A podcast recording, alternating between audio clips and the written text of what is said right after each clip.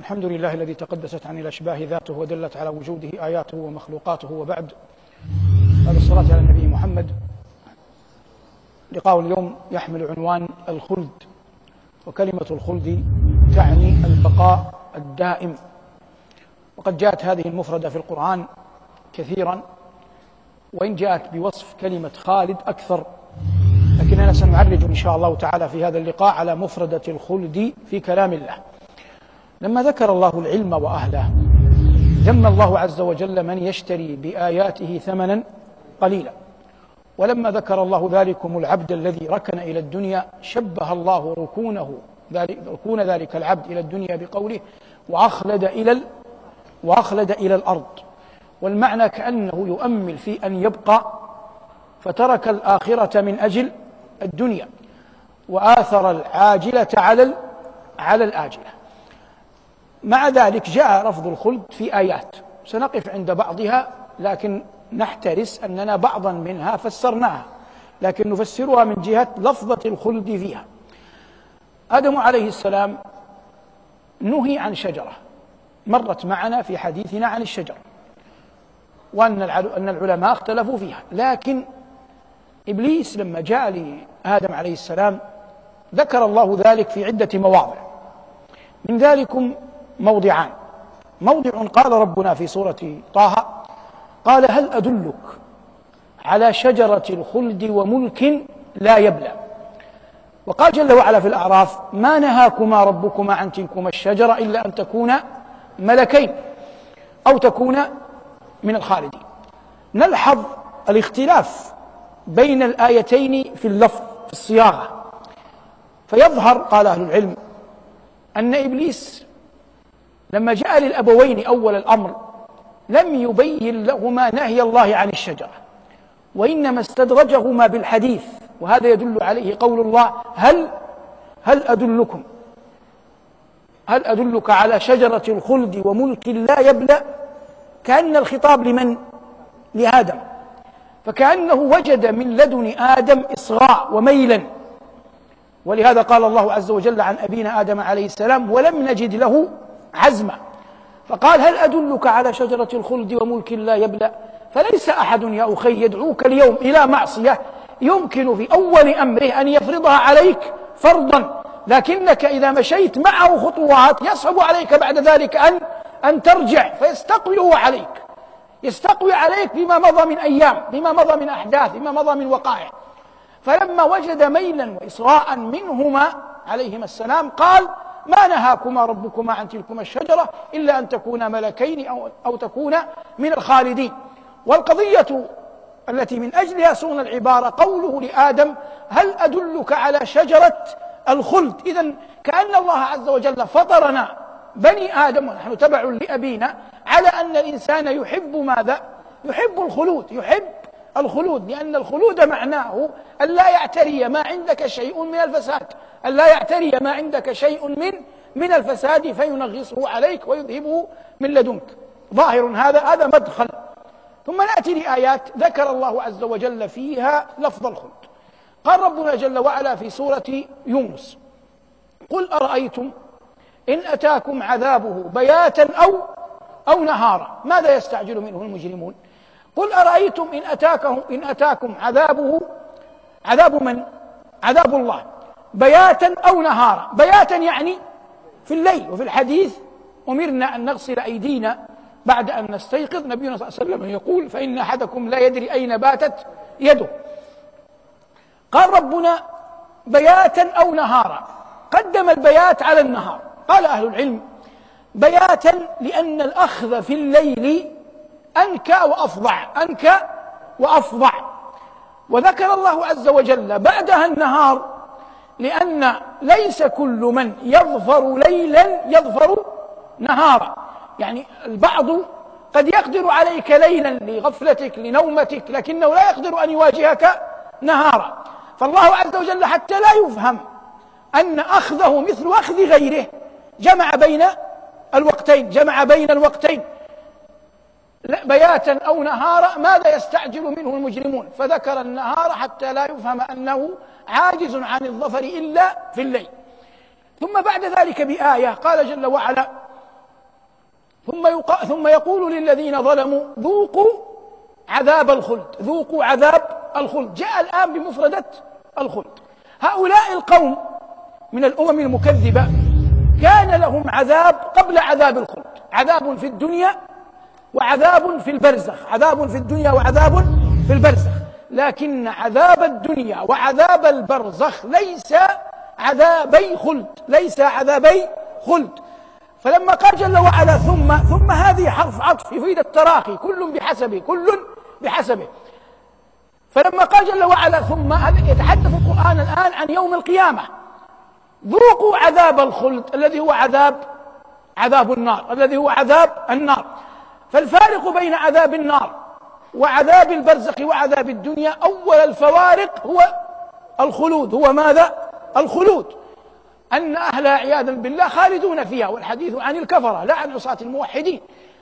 وكذلك النعيم في الدنيا لأهل الإيمان ينعمون لكنهم ينعمون يوم القيامة نعيما أبديا نعيما أبدية ولذلك سمى الله عز وجل جنة الخلد جنته بأنها جنة جنة الخلد لأن أهلها لا يموتون فيها. ليس في الجنة موت ولا نوم ولا جوع ولا عطش ولا ليل ولا نهار. هذا مر معنا كثيرا لكن المراد بيان مفردة الخلد. قال الله عز وجل في سورة الأنبياء وما جعلنا لبشر من قبلك الخلد أفإن مت فهم الخالدون. قال العلماء في بيان نزول سبب نزول الآية قالوا فريق قال إن قريشا قالت إن هذا الرسول يأكل الطعام ويموت. فكيف يصح أن يكون رسولا؟ هذا سبب. قيل. وقيل إنهم قالوا إن محمدا لا يلبث أن يموت. فأرادوا أن يشمتوا بموته. فتكون الآية رد على أنه لا يعقل لعاقل لا يصح لعاقل أن يشمت بميت. لماذا لا يصح لعاقل أن يشمت بميت؟ لأن كل أحد يموت لأن كل أحد يموت. فليس في الموت شماتة فليس في الموت شماتة. فيكون في ذلك رد على ما زعمه, القرشيون من أنهم كانوا ينتظرون موت نبينا صلى الله عليه وسلم. وهذا يؤيده قول الله عز وجل أم يقولون شاعر نتربص به ريب المنون معنى الآية. قال ربنا وما جعلنا ما هذه نافية؟ ما نافية. وما جعلنا لبشر يخرج من يخرج الملائكة ويخرج الجن. إذا لو قال أحد أن إقحام إبليس في الآية صحيح أو غير صحيح؟ غير صحيح. الله الآن يتحدث عن البشر والبشر هم ذرية آدم والبشر هم ذرية آدم. وما جعلنا لبشر من قبلك من قبل من؟ محمد صلى الله عليه وسلم. من قبلك الخلد أي أن الله ما كتب. لأحد قبل نبينا صلى الله عليه وسلم أن يخلد. وفي هذا رد لمن قال من أهل العلم رحمهم الله وإن كانوا ذو علم وإن كانوا ذوي علم. وما جعلنا لبشر من قبلك الخلد. فالله كتب أنه ما رضي بالخلود إلا لأشقى خلقه عليه وهو إبليس. لكن الحديث الآن يتكلم عن البشرية. وأما الجان فالله أعلم بطول أعمارهم. لا نعلم. ولا نستطيع أن نتكلم في غيب لا نعرف عنه شيئا. لكننا نعلم أن إبليس منظر إلى النفخ في الصور النفخة الأولى وهو طلب النفخة الثانية. قال فأنظرني إلى يوم يبعثون. فكان الجواب الإلهي قال فإنك من المنظرين إلى يوم الوقت المعلوم. ليس إلى البعث بل إلى النفخة الأولى. أما الملائكة الكبار الكرام رؤساء الملائكة جبريل إسرافيل ميكال عليهم السلام جميعا حملة العرش. هؤلاء الله أعلم متى سيكون موتهم. لكن نقول ظاهر القرآن ظاهر كلام الأئمة ظاهر السنة أنهم جميعا سيموتون. لمن الملك اليوم؟ لله الواحد القهار. كل من عليها فان ويبقى. وجه ربك ذو الجلال والإكرام. كل شيء هالك إلا إلا وجهه.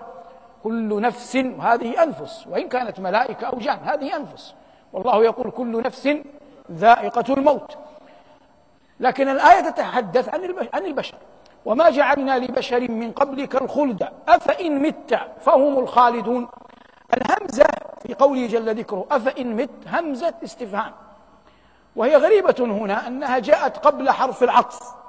والأصل أن حروف العطف تأتي مقدمة لكن قال النحاة إن حروف الاستفهام لها حق الصدارة لها حق الصدارة. فيصبح الهمزة في قوله جل ذكره أفإن مت همزة استفهام.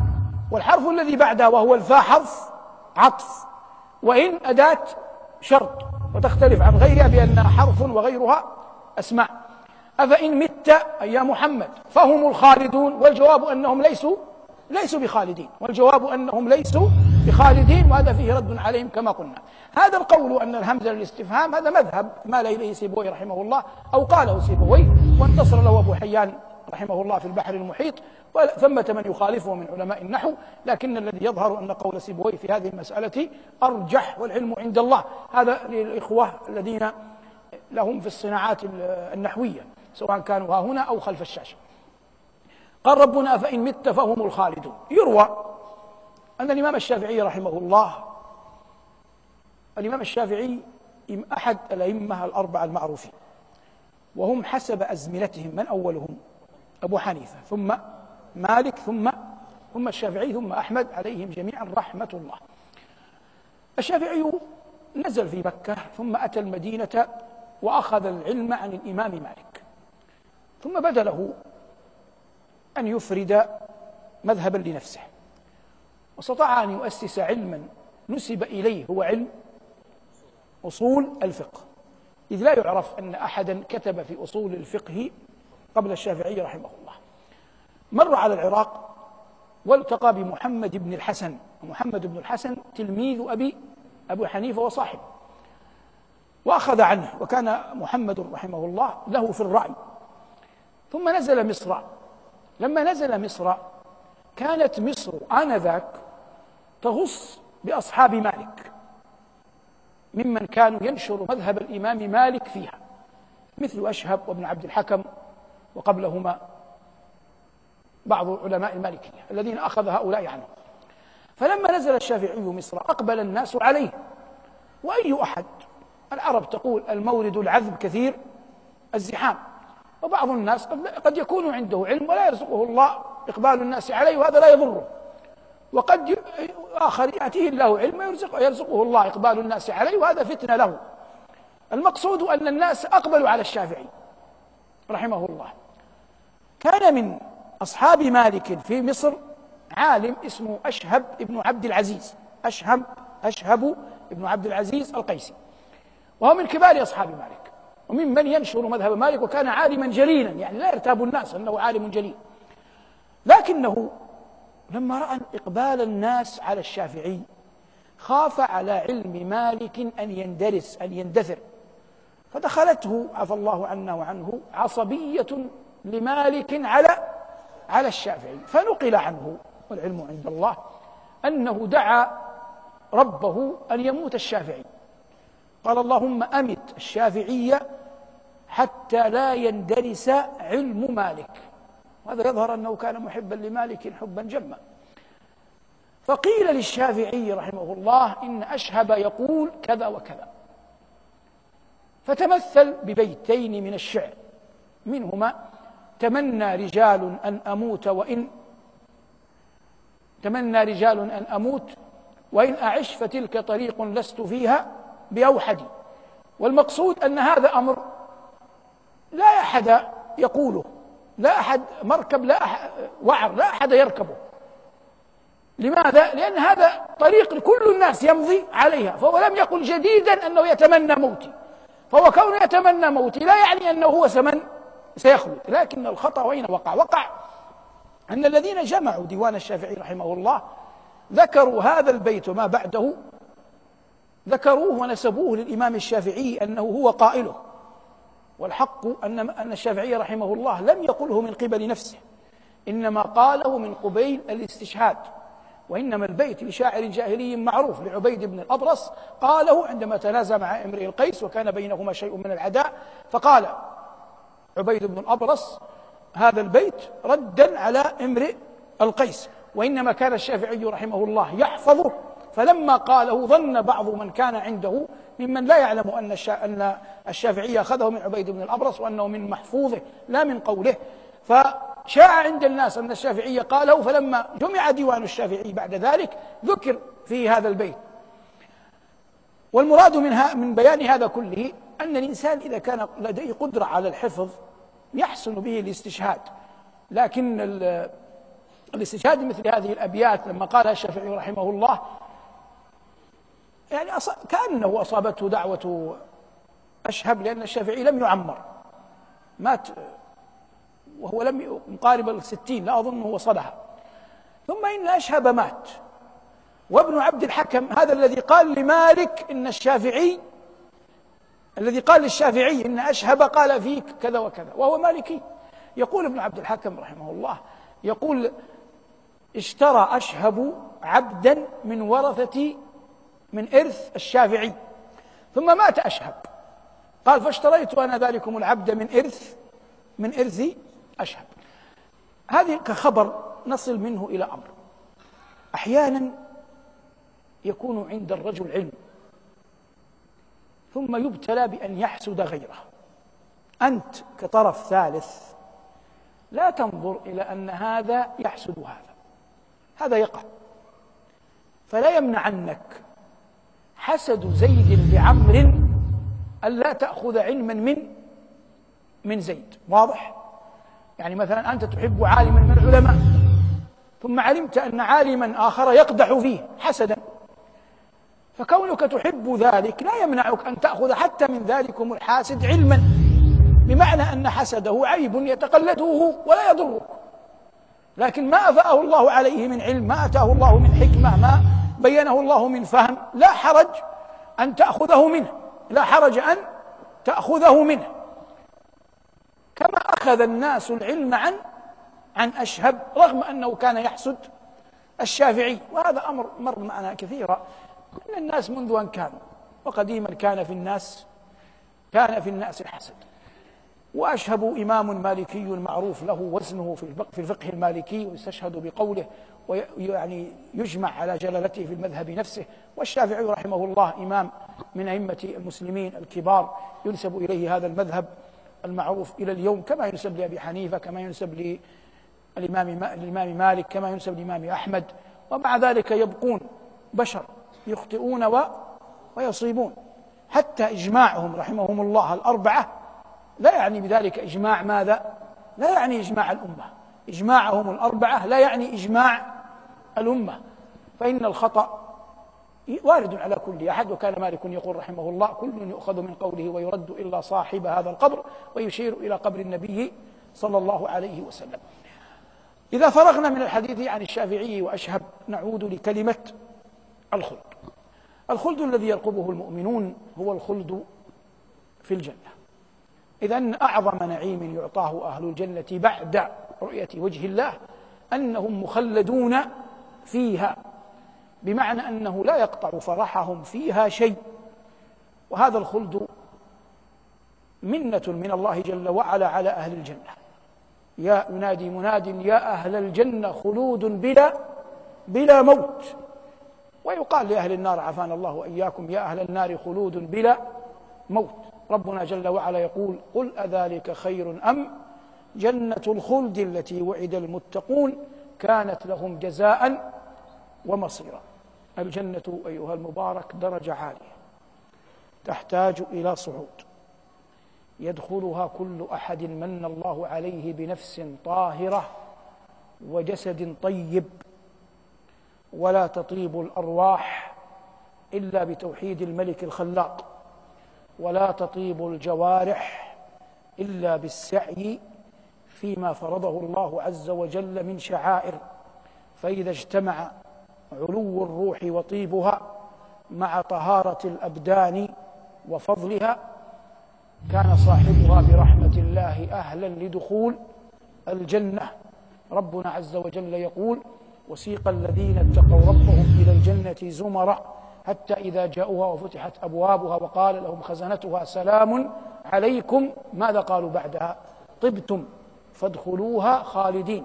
معنى طبتم طبتم جسدا وروحا.